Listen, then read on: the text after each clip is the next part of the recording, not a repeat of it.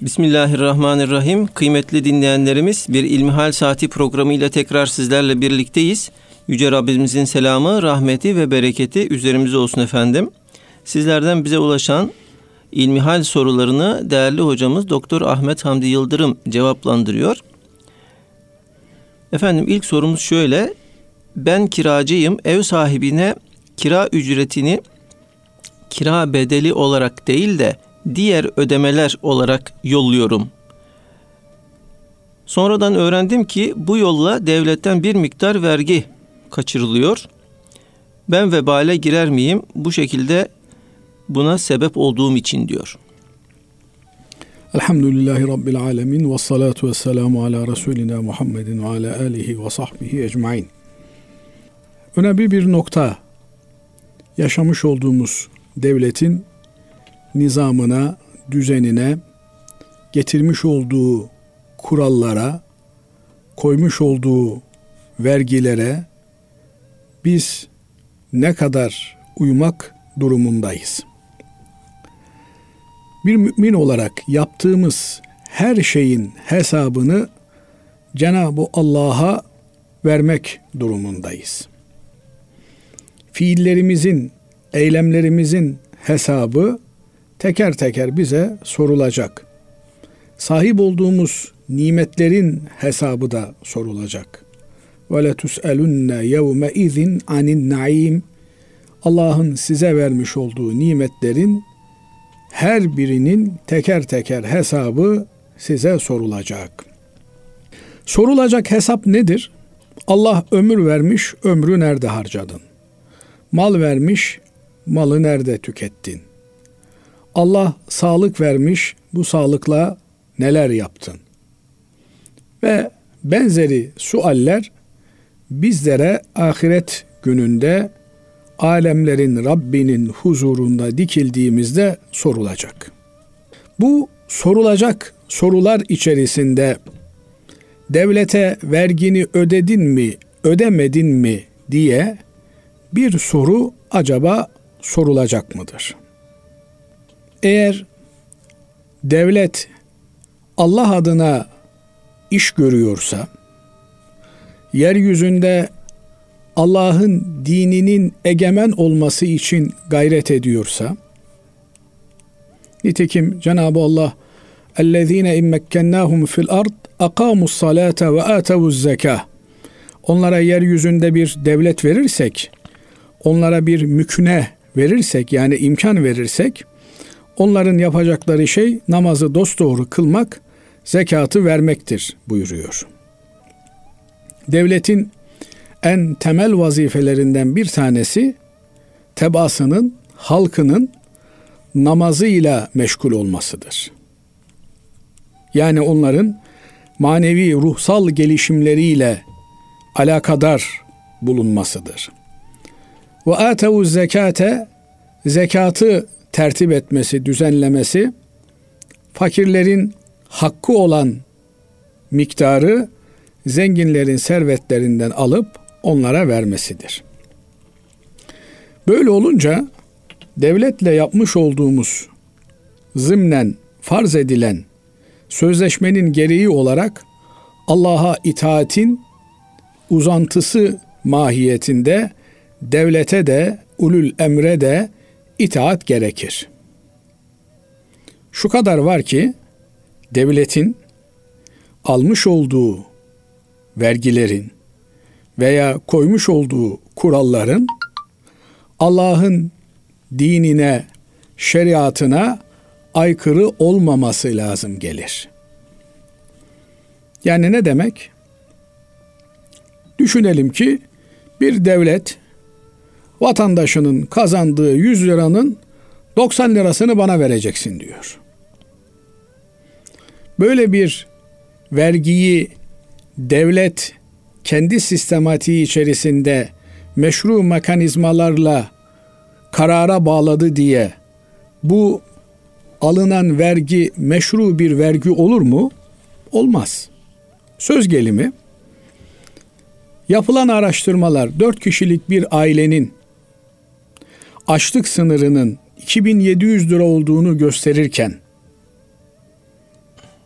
devlet işçisine verdiği bürüt asgari ücretin üzerinden vergi almak suretiyle onun eline geçen miktarı 2300 liraya düşürüyor ise bu yapılan iş meşru bir iş olmaz. Niye? İnsanların asgari olarak karınlarının doyması esas olduğuna göre karınlarının doymasını engelleyecek surette alınan bir vergi adını her ne kadar meşru mekanizmalarla oluşturularak alındığı için kanuni bir vergi olarak adlandırsanız da bu hukuki olmaz, meşru olmaz. Zira her kanuni olanın meşru olması, hukuki olması gerekmiyor. Nitekim Anayasa Mahkemesi meclisin çıkartmış olduğu yasaları her ne kadar kanuni olsa da hukuki olmadığı için iptal edebiliyor. Mamafi sorumuza dönecek olursak. Şimdi 5 bin liralık bir yerde oturan vatandaş. Benim imkanım yok. Efendim e, bunu ödeme imkanına sahip değilim diye mal sahibinden ricacı olmuş. O da bu kardeşimiz açta açıkta kalmasın diye 5 bin liralık yerini atıyorum 2 bin liraya kiraya vermiş. Şimdi bu durumda rakamlar böyle biraz tuhaf bakıyorsun ama evet. Basri Hocam farazi rakamlar. Dolayısıyla şöyle düşünmemek gerekiyor. Ve kirada devlete ödenen miktarı aslında ödeyen kiracıdır, mal sahibi değildir. Yani ne mal sahibi onun üzerine ilave ediyor. İlave ediyordur. Ama siz ben durumum yok ödeyemeyeceğim, sokakta kalacağım, aç kalacağım diye söyledikten sonra mal sahibi de diyelim ki size bir indirim yapmış. Bu e, hukuken geçerli olur mu olmaz mı meselesi burada söz konusu.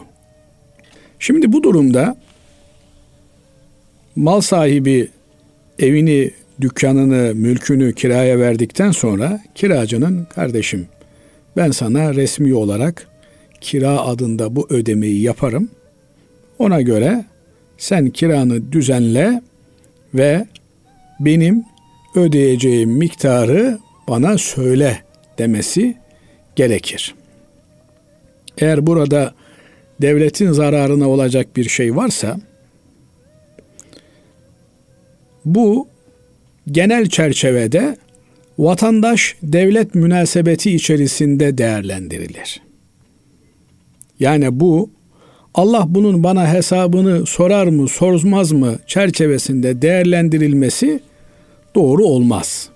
Niye derseniz laik bir devlette nasıl devlet vatandaşının namazına karışamıyor, örtünmesine karışamıyor ise yani sen namazını kıl, namaz kılmazsan Allah bunun hesabını sana soracak diyemiyorsa dinde vatandaşa ahiret üzerinden iyi bir vatandaş olması için baskı kuramaz. Ne demek istediğim inşallah anlaşılıyordur. Yani sen vergini vermedin diye Allah ahirette sana niye vergini vermedin diye hesap sormaz. Ama devlet yak- yakalarsa Ama soracak. Ama devlet yakalarsa sorar. Biz yani hocalar olarak sizler efendim yani e, devlete vergi devletten vergi kaçırmayı teşvik etmiyoruz. Ne haddimize? Sadece bir, informasyon, bir he. bilgilendirme yapıyoruz. Ama şunu sorar Allah. Yani mahallendeki bir insan açsa, ilaçsızsa, komşun açlıktan kıvranıyorsa Allah bunun hesabını sana sorar. İstersen sen kazandığının tamamını vergi olarak devlete ver. Kardeşim ben devlete veriyorum. Devlet buna baksın. bana ne deme şansına sahip değilsin. Hatta bırak bir insanı, bir mümini mahallendeki, sokağındaki, binandaki aç olarak kalmasının hesabının sana sorulmasını, sokakta bir kedi susuz kalsa, bir köpek affedersiniz susuz kalsa, onun hesabını da Allah Müslümana sorar. Dolayısıyla Hocam, bu söyledikleriniz yani şu anki e, durum için geçerli değil mi? Yani şu andaki Türkiye'mizin e, durumu için geçerli. Elbette yani e, zımni bir sözleşme var vatandaşla devlet arasında. Veya devletle la teşbih din arasında. Yani diyor ki devlet dine ben senin işine karışmayacağım sen de benim işime karışma. Hasılı kelam bunlar e, uzun e, belki konuşulması gereken şeyler ama özetle şunu ifade edeyim. Fakat Allah yalan konuşulmasından hoşlanmaz. Yalan beyandan hoşlanmaz. Müslüman her kimle muhatap olursa olsun, eşkıya ile de muhatap olsa, yalan söylemek durumunda kalmamalı. Yalandan kaçınmalı. Binaenaleyh eğer bir e, yalana düşmeden gerçeğin dışında bir beyan verme mecburiyeti oluşturmadan ne yapıyorsa yapar adam. Bunun hesabını din ona sormaz, soramaz. Yani şimdi zekatını vermiyor adam diye devlet niye zekatını vermiyorsun baskısı yapamadığı gibi din de niye vergini vermiyorsun baskısı yapmaz. Din kişinin Müslümanın zekatını verip vermediğini sorar. Devlet de vergisini verip vermediğini sorar. Evet. Evet. Ta, e, şimdi daha geride olan bir soruyu takdim ederek e, öne alarak e, bu konuyla bağlantılı olduğu için e, onu sormak istiyorum. E, uzunca bir e, mesaj. Efendim diye başlıyor gönderen. Efendim ben yaklaşık 100 çalışanı olan bir mobilya şirketi sahibiyim. Şehrimizde yaklaşık 1000 mobilyacı var. Bu 1000 mobilyacının 997 tanesi cirosunun yarısının faturasını kesiyor, diğer yarısını kaçak gönderiyor. Bizler de bu 997'nin içindeyiz. 3 kişi tam fatura çalışıyor. Böyle bir sorunumuz var. Ne olacak halimiz diyor. Bu birinci sorusu. İkinci sorum ve sorunumuz 100 kişi çalıştırıyoruz. Bunları maaşları üzerinden sigorta yapmıyoruz. Dediğim gibi şehrimizdeki 997 işletme maaşlar üzerinden sigorta yapmıyor. Biz de yapmıyoruz. İşçiyi alırken diyoruz ki sana 3000 lira maaş veririz ama asgari ücretten sigorta yaparız diyoruz. Baştan söylüyoruz. Burada bir vebal var mıdır? Üçüncü bir sorum da ben yılda bir defa işçime ikramiye veriyorum. Arkadaşlarım bana diyor ki ikramiye vereceğine işçinin sigortasını tam yap, faturanı tam kes. Ancak 997 işletmenin hepsi de böyle yapmadığı için rekabet şansımız kalmıyor. Biz bir taraftan zekatımızı verirken bir taraftan da böyle bir duruma düşüyoruz. Bu bir çelişki. Bunun için yıllar önce ilgili bürokratı davet ettik ve durumu açıkladık. Devletin hem fatura hem sigorta ödemelerini ciddi kontrole tabi tutmasını istedik. Ancak devlet bunu yapmıyor. Sadece şikayet olduğunda bir miktar ceza yazmakla yetiniyor.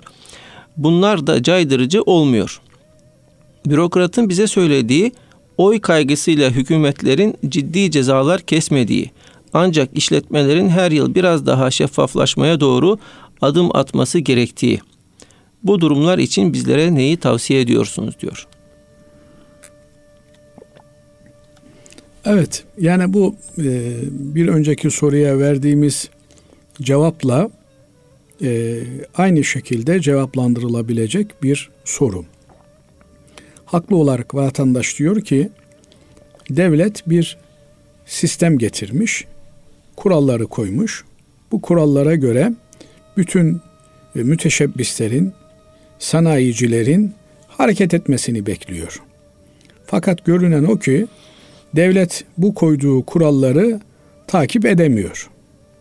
Edemediği gibi piyasa kendi içerisinde bir noktada uzlaşmış.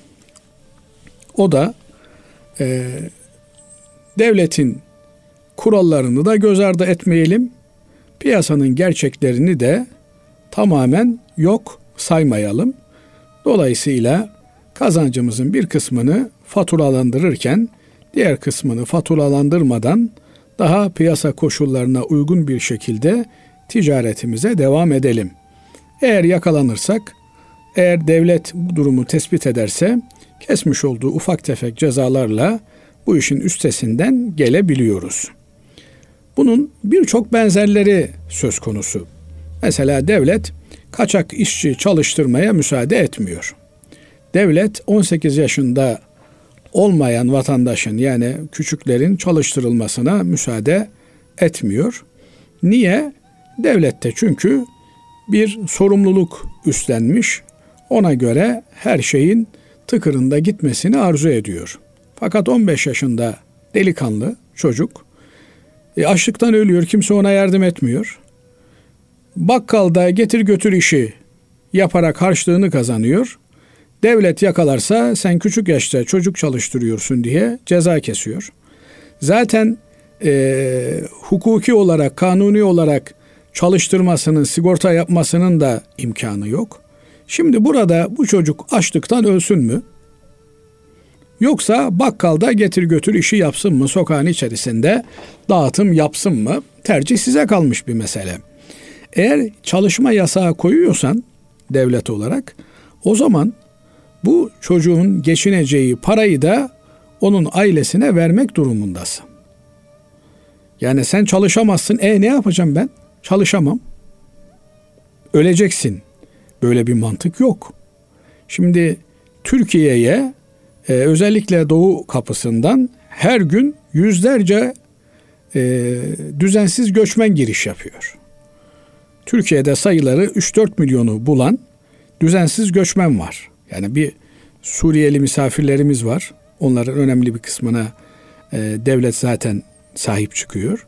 Bir de işte Bangladeş'ten tutun da Afganistan'a kadar dünyanın birçok yerinden çaresiz olan Müslümanlar, insanlar Türkiye'ye sığınıyorlar. Bu insanları çalıştıramazsınız. Bunlar kaçak. E ne yapacaklar bu insanlar? O zaman sen buyur maaş ver. Veya sokma ülkeye. Ya soru şu. Çözümsüzlük bir çözüm getirmiyor Basri Hocam. Binaenaleyh burada temel ilke şu. Devlet kendi işine bakacak. Vatandaş kendi işine bakacak. Din, diyanet de kendi işine bakacak.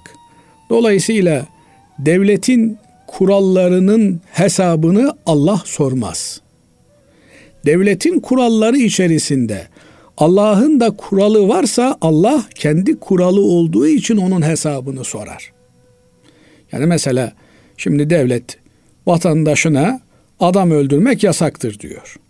Allah da cinayeti yasakladığı için biri bir cinayet işlerse bunun hesabını Allah sorar. Nitekim Allah'ın soracağı farklıdır. Devletin sorduğu farklıdır. Devlet 3-5 sene yatırır adamı ondan sonra salı verir. İkinciye, üçüncüye bir daha cinayet işleme imkanı söz konusu olur. Yine aynı şekilde yani devlette helal olan ama Allah'ın haram kıldığı şeyler var. Şimdi devlet bunun hesabını sormuyor diye Allah hesabını sormaz mı? Sorar. Bir faiz devletin faizli bankaları var veya faizli düzen üzerine oturuyor. Faizde işler yapılıyor. Yani bir adam faiz aldı diye devlet buna bir ceza keser mi? Kesmez. Ama Allah onun hesabını sorar. Dolayısıyla bu iki mekanizmayı e, birbirinden ayırmak lazım. Dünyada yaşıyorsan devletin nizamına tabi olacaksın. ahirete inanıyorsan Allah'ın önünde hesap vereceğinin şuurunda olacaksın. Şimdi buna göre eğer baştan bir sözleşme yapmışsanız, bir akit yapmışsanız ve karşınızdaki adam da çaresizlikten size evet dememişse. Şimdi şöyle de bir şey var. Adam aç. Yani sen buna ne şart koşsan adam kabul edecek. Böyle bir durumda onun açlığını istismar ederek kardeşim ben 300 liraya çalıştıracağım seni ha bir ayda. Kabul ettim mi? Ettim abi. E ben rızası vardı kardeşim. Kendisi isteyerek kabul etti. Böyle bir şey yok. Ama kardeşim istersen ben sana 2000 lira maaş vereyim. Sigortanı tam ödeyeyim. İstiyorsan 5000 lira maaş vereyim. Ama asgariden sigortanı ödeyeyim. Senin hangisi işine geliyorsa bana söyle. Ben öyle yapayım. Adam da diyor ki ya kardeşim benim elime para şimdi daha fazla geçsin. Çoluk çocuk küçük. Onların masrafına yetişemiyorum ben. Hakikaten de şimdi yani adamın e, iki tane çocuğu var, dört kişilik bir aile. Bunun açlık sınırının 3 bin liraya yakın olduğu söyleniyor Basri Hocam. Şimdi bu adam 3 bin lira para alırsa ancak karınlarını doyurabiliyor çoluğunun çocuğunun. Sen buna diyorsun ki kardeşim ben sana 3 bin lira vereyim ama sigortanı 2300 liradan asgari ücretten göstereyim. Veya istiyorsan 2700 lira vereyim sana sigortanı tam göstereyim. Adam hangisini tercih eder? Ha, diyeceksiniz ki kardeşim hem 3 bin lira ver hem 3 bin lira üzerinden sigortasını göster. Eğer rekabet şartları bunu kaldırıyorsa bunu yapmak durumundadır zaten. Yani başkası düşünülemez ki. Düşünün mesela bir memlekette 100 tane işçi aranıyor. 50 tane işçi var. Ne olur o 50 tane işçi? Altın değerinde olur. Yani onun fiyatına paha biçilmez. Ama bir yerde 10 bin iş gücü var da 50 tane işçi aranıyor. E bu, bu bir enflasyon. Yani o zaman halk da benzin fiyatlarını belirlesin. Halk da efendim ee, doların fiyatını belirlesin. Yani böyle ben böyle istiyorum demekle olmuyor bu işler. Hasılı kelam e, genel adalet ilkelerine ters düşmedikçe yani birincisi rıza ilkesi. Çalıştırdığın insan orada razı olarak mı çalışıyor yoksa bir mecburiyet karşısında mı çalışıyor? Bunu hesaba katmak lazım. Binaenaleyh e, işveren dediğimiz kişi kendi yediğinden yedirecek, giydiğinden giydirecek. Yani işçisinin hayat standartlarında yaşayabilecek bir kıvamda kendini görmesi gerekiyor. Bunlar çok ince dengeler. Kardeşim ben piyasa şartlarında işte herkes 3 bin lira veriyordu 3 bin lira veriyorum ama akşam bir yere yemek yemeye gidiyorum oraya 3 bin lira bahşiş bırakıyorum. Böyle bir şey yok. Yani bu bu adalet değil. Allah sana da bir boğaz vermiş, ona da bir boğaz vermiş. Sana da bir can vermiş, ona da bir can vermiş. Seni de, onu da, beni de, hepimizi kendisine kul olarak yaratmış. Yani ben ayda 50 bin lira mutfak masrafı yapacağım. İşçime gelince piyasa koşulları vesaireler filan bilmem ne sen 2 bin lirayla idare et. Bunlar vicdan meseleleri. Bir işveren işçisine daha fazla nasıl ödeyebilirimin endişesi içerisinde olacak. Ama aynı zamanda o çarkın işletmenin sürdürülebilirliğini de hesaba katarak ben daha fazla nasıl işçime imkan sağlayabilirim, e, topluma katkı sağlayabilirim, üretebilirim endişesi içerisinde bir gayret gösterecek.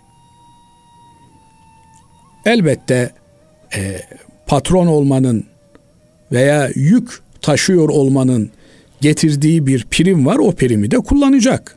Yani nitekim bir işletmede de e, vasıfsız işçiye ödenenle vasıflı işçiye, yöneticiye, sorumluluk alana ödenen şey aynı değil. Patron da elbette büyük bir yük taşıyor sırtında. Şimdi işletmede herkes hadi eyvallah ben gidiyorum diyebilir ama patron diyemez öyle. Sürdürülebilir bir e, işletmenin telaşı içerisinde işçilerinin hayat standartını nasıl daha fazla yükseltirimin çalışması içerisinde olması gerekir.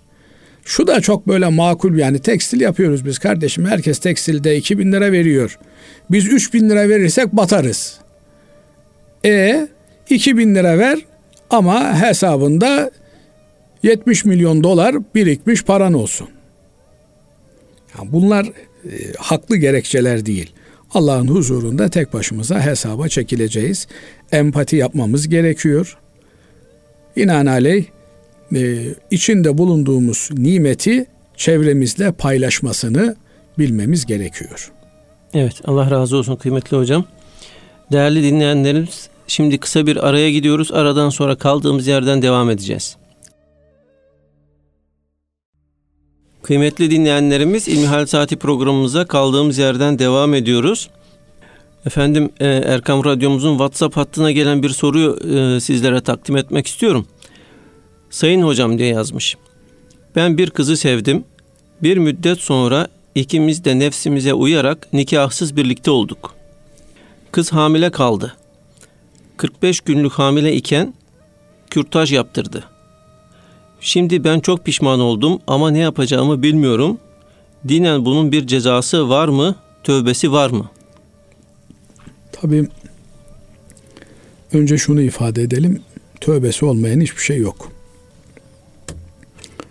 Efendimiz Aleyhisselatü Vesselam geçmiş ümmetlerden bize haberler veriyor. Bunlardan bir tanesinde eski zamanlarda bir katil 99 kişiyi öldürmüş, haksız yere öldürmüş, cinayet işlemiş. Ne diyorlar bu çoklu? Seri katil. Seri katil yani. Sonra pişman olmuş, tövbe etmek istemiş. Bana yeryüzünün en bilgin insanını söyleyin, gideyim ona sorayım diye sağa sola müracaatlar etmiş. Filan yerde bir bilgin var demişler. Ona git sor. Gitmiş. Hocam selamun aleyküm aleyküm selam. Ben 99 kişiyi öldürdüm. Acaba tövbe etsem tövbem kabul olur mu diye sormuş. O mübarek de ya 99 kişiyi haksız yere öldürmüşsün. Senin nasıl tövben kabul olsun deyince kızmış onu da öldürmüş. Sayıyı düzlemiş, yüz yapmış. Ama yine uykusuz geceler e, çare arıyor derdine. Sormuş yeryüzünün en e, irfan sahibi kimsesi nerede diye birini göstermişler. Adamcağız olayı dinledikten sonra kim demiş senin ile tövbenin arasına girebilir? Allah son nefese kadar tövbeleri kabul edicidir. Tövben kabul olur. Fakat tövbenin kabul olabilmesi için senin yaşadığın şert, şehri, muhiti, semti terk etmen lazım. Filan yere gitmen lazım demiş. Adam hay hay demiş, tövbe etmiş. Planı pırtını toparlamış. O bulunduğu muhitten, semtten ayrılmış. Hocanın dediği yere giderken yolda ölüm gelmiş çatmış. İki melek grubu gelmiş. Azap melekleriyle rahmet melekleri. Azap melekleri bu adamın hiçbir iyiliği yok. Yüz kişiyi öldürmüş bunu biz götüreceğiz diyorlar. Cenazesini biz üstleneceğiz. Rahmet melekleri de kardeşim bu adam tövbe etti. Nasıl bunu alırsınız? Bunu biz size bırakmayız. Biz götüreceğiz. Demişler. Dolayısıyla iki grup melek çekişme yaşayınca bir üste müracaat etmişler. Cenab-ı Allah e, her şeyi biliyor. Meleklerine vahyetmiş. İki bölgeyi de ölçün. Hangi bölgeye yakınsa çıktığı yere mi yakın, gidecek olduğu hedef noktaya mı yakın? Rivayetlere göre hedef noktaya bir karış yakın çıkıyor. rahmet melekleri alıp götürüyor. Bir rivayete göre çıktığı yere bir karış yakın çıkıyor. Ama Cenab-ı Allah e, mekanı kısaltıyor. Rahmet meleklerinin tarafına yakın görünüyor. Rahmet melekleri alıp götürüyorlar. Hasılı kelam ne kadar büyük bir suç olursa olsun tövbe edenin tövbesini Cenab-ı Allah kabul eder. Fakat o günahtan uzak durmak lazım, pişmanlık göstermek lazım. Hasılı kelam gözyaşı dökmek lazım. Burada e, bir işlenen günah var, ikincisi de bir cinayet söz konusu. Yani siz iki kişi günah işlemişsiniz, bir cinayet işlemişsiniz. Zina e, yeryüzündeki en büyük günahlardan bir tanesi. Yani ilk cinayet katil ama en ağır cinayet zina cinayeti. Nikahsız birliktelikler. Niye? Çünkü nikahsız birliktelikteki e, suç, cinayet bir iki kişi arasında kalmıyor. Nesiller boyu devam ediyor. Bakın mesela ne olmuş? 45 günlük hamile kadının karnındayken çocuğu kürtaj yapmışlar, almışlar. Bir cinayet işlemişler. Niye? Yaptıkları iş çünkü iğrenç bir iş. Savunulabilecek bir tarafı yok. Efendim reklamı yapılabilecek bir tarafı yok. Ee, ama ne kadar iğrenç olursa olsun bir cana kıymak o apayrı bir günah. Yani siz günahkar olabilirsiniz. Siz affedersiniz e, çok iğrenç bir iş yapmış olabilirsiniz ama o çocuğun suçu ne? O çocuğun günahı ne? Onu ne hakla öldürebildiniz? Burada bir başka cinayet, bir başka suç daha işlenilmiş. O da kürtaj suçu. Bu arada zaman zaman e, haklı gerekçelerle kardeşlerimiz soruyorlar. E, şöyle oldu, böyle oldu, bu çocuğu aldırabilir miyiz diye. Net bir cevabını buradan müsaadeniz olursa vermek istiyorum. Annenin hayati tehlikesi oluşmadığı sürece anne karnındaki bir çocuğa müdahale etmek hiçbir şekilde caiz olmaz. Efendim bu çocuk sakat doğacakmış, geri zekalı doğacakmış, isterse odun doğsun. Odun, bildiğin odun doğsun. Eğer annenin hayatına bir zararı yoksa o çocuğun doğumuna engel olmak caiz değildir. Efendim işte biz bir günah işledik de rezil oluruz da rusvay oluruz da ne haliniz varsa görün. O çocuğun sizin işlediğiniz bir günahla alakası yok. O tamamen masum bir şekilde dünyaya gelmiştir. İşlediğiniz günahı bahane ederek de bir başka cinayet işleme hakkına sahip değilsiniz. Ama işlemişler, bir cinayet işlemişler. Bu cinayetin de e, sorumluluğu onların üzerine düşer. Bunun alacaklısı anne baba olarak da bunlar olduğu için bir nevi kendi kendilerine de bir cinayet işlemiş olurlar. Cenab-ı Allah'tan af dileyerek, mağfiret dileyerek, bol bol sadaka vererek bu günahlarına tövbe etmeye çalışacaklar, gayret edecekler. Allah kimseyi böyle bir günaha düşürmesin. Düşenlerin de imdadına yetişsin, tövbe etmeyi nasip etsin deriz hocam. Evet. Yine başka bir soru şöyle e, bize ulaşmış değerli hocam. Selamünaleyküm. Birkaç soru sorabilir miyim diyor. Allah dilerse açıktan işlenen günahları dünyada gizler mi? Ve günahın şahitlerine dünyada unutturur mu? Eğer dünyada gizlerse ahirette gizleme imkanı kalkmış mıdır? Diyor. Şimdi Cenab-ı Allah bir sürü işlediğimiz günahlarımız var Basri Hocam. Günaha niyet etmişliğimiz var. Yani şimdi içinden de insan günah işler mi? İşler. Binaenaleyh e, gizli olarak işlediğimiz, kimsenin farkında olmadan işlediğimiz günahlarımız var. İsrailoğulları döneminde yani Peygamber Efendimiz Aleyhisselatü Vesselam gelmeden eski ümmetler zamanında insanların işledikleri günahlar alınlarına yazılırmış. Dolayısıyla ne günah işlediği pasaport gibi adamın alnından okunurmuş. Ama ümmeti Muhammed'e Cenab-ı Allah'ın bir rahmeti olarak Cenab-ı Allah günahlarımızı faş etmiyor, izhar etmiyor, ortaya çıkartmıyor. Hatta Allah la yuhibbul cehra su kötülüğün aşikar edilmesini sevmez buyuruyor Cenab-ı Allah. Şimdi bakın burada çok bir incelik de var. Kötülük her zaman toplumda olur.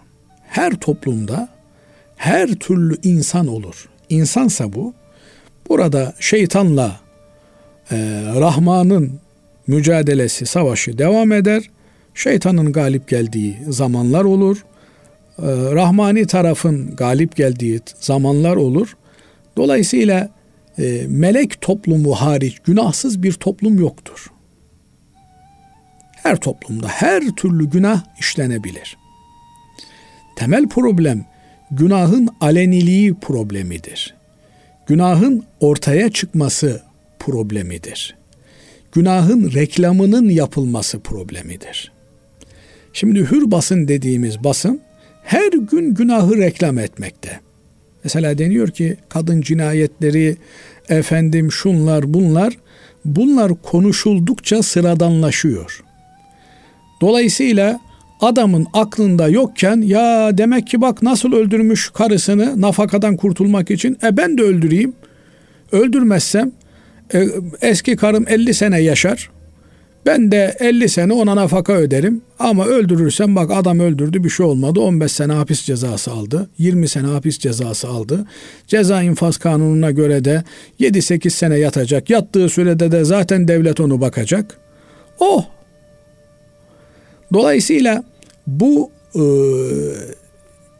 yapılan kötülüklerin sözüm ona tenkit cihetiyle haber yapılması bile kötülüğün teşviki anlamına gelmektedir. Böylelikle toplumda kötülükler yaygınlaşmaktadır. Nitekim Cenab-ı Allah Nur suresinde innellezine yuhibbune en teşi'al fahişetu fillezine amenu. İman edenler arasında kötülüğün yayılmasını isteyenler için Allah acı bir azabı vaat ediyor. Hem dünyada hem ahirette onlar çok acıklı bir azaba düşecekler. Böyle olunca insan önce kendinin yapmış olduğu günahları ya ben vaktiyle işte şöyle yapardım, böyle yapardım, keserdim, doğrardım, biçerdim, yapmadığım günah kalmadı filan diye kendi günahını kendi reklam etmeyecek. Kendisi bir defa üstünü çizecek. Çünkü günahtan tövbe etmek aslında günahı hatırlamaktır. Tövbeden de tövbe etmek gerekir derler. Yani günahı tamamen zihnimizden silmemiz gerekir. Silinebilmesi için de önce e, bir tövbe edilmesi lazım gelir. Şimdi bakıyorsunuz bazı kardeşlerimiz sonradan namaza başlamışlar. Böyle bir işte nasıl tövbe ettiklerini izah etmek sadedinde eski kirli çamaşırlarını ortaya döküyorlar. Bu bir yönüyle de özendirme anlamı taşıyor. İkincisi Cenab-ı Allah eğer bir günaha bizi tanık etmişse yani istemeyerek bir olaya şahit olduk. Onu da gizlemek mecburiyetindeyiz. Eğer mani olabiliyorsan ol. İki çift laf söyleyebiliyorsan söyle. Eğer ne bileyim birinin malı çalınıyorsa ona müdahale et. Ama e, öyle değil de kişinin kendiyle alakalı bir günaha muttali olmuşsun. Efendim e, onu o kardeşini ikaz edebiliyorsan ikaz et.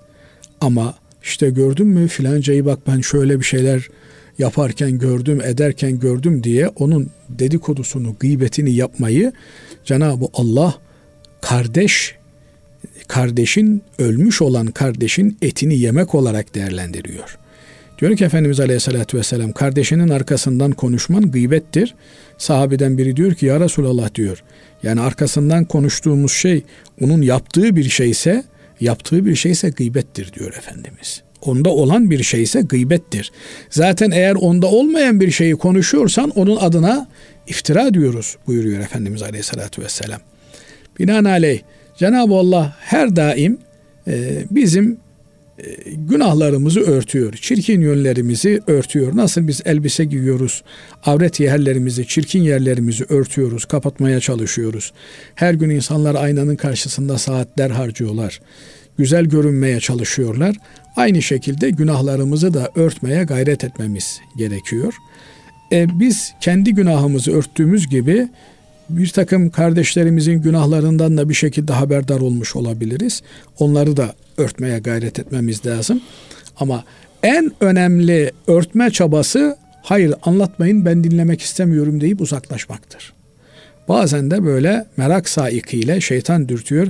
E nasıl olmuş anlat bakayım filan diye birinin günahlarını dinlemeyi e, kendimize bir e, teselli olarak adeta görüyoruz. Belki oradan kendimize de bak aa filan adama bak bir de hacı olacak, hoca olacak böyle yapıyorsa demek ki ben cennetliyim diye kendimize de oradan pay çıkarmaya çalışıyoruz. Unutmamak gerekiyor ki bir Müslümanın aybını, kusurunu örtenin Allah da aybını, kusurunu örter. Ama bir Müslümanı rezil rüsva etmeye çalışanın Allah da onu rezil rüsva eder. Evet. Değerli hocam, e, bugünlük son sorumuz şöyle borsa ile ilgili diyor ki dinleyicimiz borsa ile ilgili Diyanet e, Kurumu bazı durumlarda bunu vurgulamış. Bazı durumlarda borsaya helal diyor. Bazı hocalar da fetvalarında haram diyor. Net bilgi almak mümkün müdür? Borsa haram mı yoksa helal midir? Ben şüpheli görüyorum. Şüpheli diyorum ama devlet kurumunda çalışıyorum. Düşünüyorum aldığım maaşı da şüpheli görüyorum demiş. Evet yani insanın görebilmesi güzel bir nimet. Görme nimeti Allah'ın insana verdiği en önemli nimetlerden bir tanesi. Ee, keşke hepimiz kendi kusurlarımızı başta görebilsek ve onlardan kurtulabilsek. Hasılı kelam e, değerli hocam borsanın iki yönü var. Biri borsada oynamak tabir edilen, borsada oyuncular şeklinde karşımıza çıkan, bir de borsada yatırımcılar şeklinde karşımıza çıkan. Diyanetimizin caiz dediği borsada yatırım yapmaktır. Yatırım yapmakla oynamanın farkı nedir? Yatırımcı kişi borsada herhangi bir şirketi bilir, tanır, onun hisselerini alır, o şirkete ortak olarak kendisini görür. Oyuncu ise her sabah geçer e, ekranın başına orada çıkan inen hisseler üzerinden tabiri caizse kumar mantığıyla seçme yapar. Tüh bugün kaybettik, o bugün kazandık diye naralar atar. Böylelikle sabahtan akşama e, borsada oynama hedeflenir. Alimlerimizin caiz değildir dedikleri de bu tür borsadaki oynama eylemleri. Kaldı ki Diyanetimiz helal endeksi diye e, oluşturulan e, borsadaki İstanbul borsasındaki helal şirketlerin e, hisselerinin alınıp satılması meselesini e, gündeme getirir. Böyle bir helal endeks oluşturulmuştur. Bunun bir takım kriterleri vardır. Faizde iştikal etmeyecek, e, ana uğraşı haram bir iş olmayacak vesaire vesaire şirketlere getirilen bir takım kıstaslar vardır. Bu kıstaslara uyan, kriterlere uyan şirketler borsada helal endekste işlem görürler. Helal endekste işlem görse de bu senetler bunları alan kimselerin yatırımcı olarak alması gerekir. Yatırımcı olarak almakla borsada oynamak arasındaki fark nedir? Ben işte e, 200 bin lira bir param var. Bu para çarçur edilmesin, e, üretimde olsun, işletimde olsun diye e, bildiğim, güvendiğim helal endeksten bir şirketin portföyündeki hisse senetlerinden 200 bin liralık aldım. Kenarda duruyor. Ben kendimi o şirketin bir ortağı olarak görüyorum. Dolayısıyla e, orada o paramı uzun vadeli olarak dursun. Her sene temettu dağıttıklarında ben kendi hisseme düşen temettuğu da almış olayım. Zarar varsa zarar da benim hisseme yazılmış olur. Ama bu arada bir sene sonra, altı ay sonra e, kızını evlendireceksin, çocuğa düğün yapacaksın, paraya ihtiyacın oldu. Elbette herhangi bir ortaklıkta nasılsa götürürsün, senetlerini birine devredersin, hisselerini birine devredersin. Böylelikle nakite olan ihtiyacını karşılarsın. Ama diğeri işte şu anda birinden borç alayım. Şimdi yatırım kendi öz paranla yapılır. Oynama borç alabilirsin. Basri hocam bana bir 10 bin lira borç versene. E, niyeti nedir? İşte bu akşam düşecek olan hisselerden alayım. Yarın o 10 bin liralık aldığım hisseler 12 bin lira olsun. Basri Hoca'ya 10 bin lirasını veririm. 2 bin lira da bana kar kalır. E 8'e düşerse ne olacak? O zaman Basri Hoca beklesin. Para ne zaman çıkarsa o zaman veririm. Türünden bir mantıkla böyle günübirlik e, eylemlere konu edinmesi doğru bir şey değil. Ama sen uzun vadeli bir işletmeci e, işte yatırımcı olarak borsadan hisseyi aldın da ertesi gün ihtiyacın hasıl oldu. Olabilir mi? Olur. Allah korusun sanın başına bir şey gelir, hanımın başına bir şey gelir, acil ameliyat gerekir vesaire satman gerekir satarsın. Ama alırken Yarın ben bunu satarım şöyle bir bakayım hisseler çıkıyor mu iniyor mu kardeşim işte e, Amerika devlet başkanı Covid olmuş bu aralar dolar e, iner e, yerel paralar yükselir böyle bir tahminle borsaya e, hücum ediyorsun. Bunlar doğru şeyler değil. Cenab-ı Allah hayırlı kazançlar ve güzel ameller bütün ümmeti Muhammed'e nasip müyesser etsin. Allah razı olsun kıymetli hocam. Değerli dinleyenlerimiz bir İlmihal Saati programının daha sonuna ermiş bulunuyoruz. Hepinizi Allah'a emanet ediyoruz efendim. Hoşçakalın.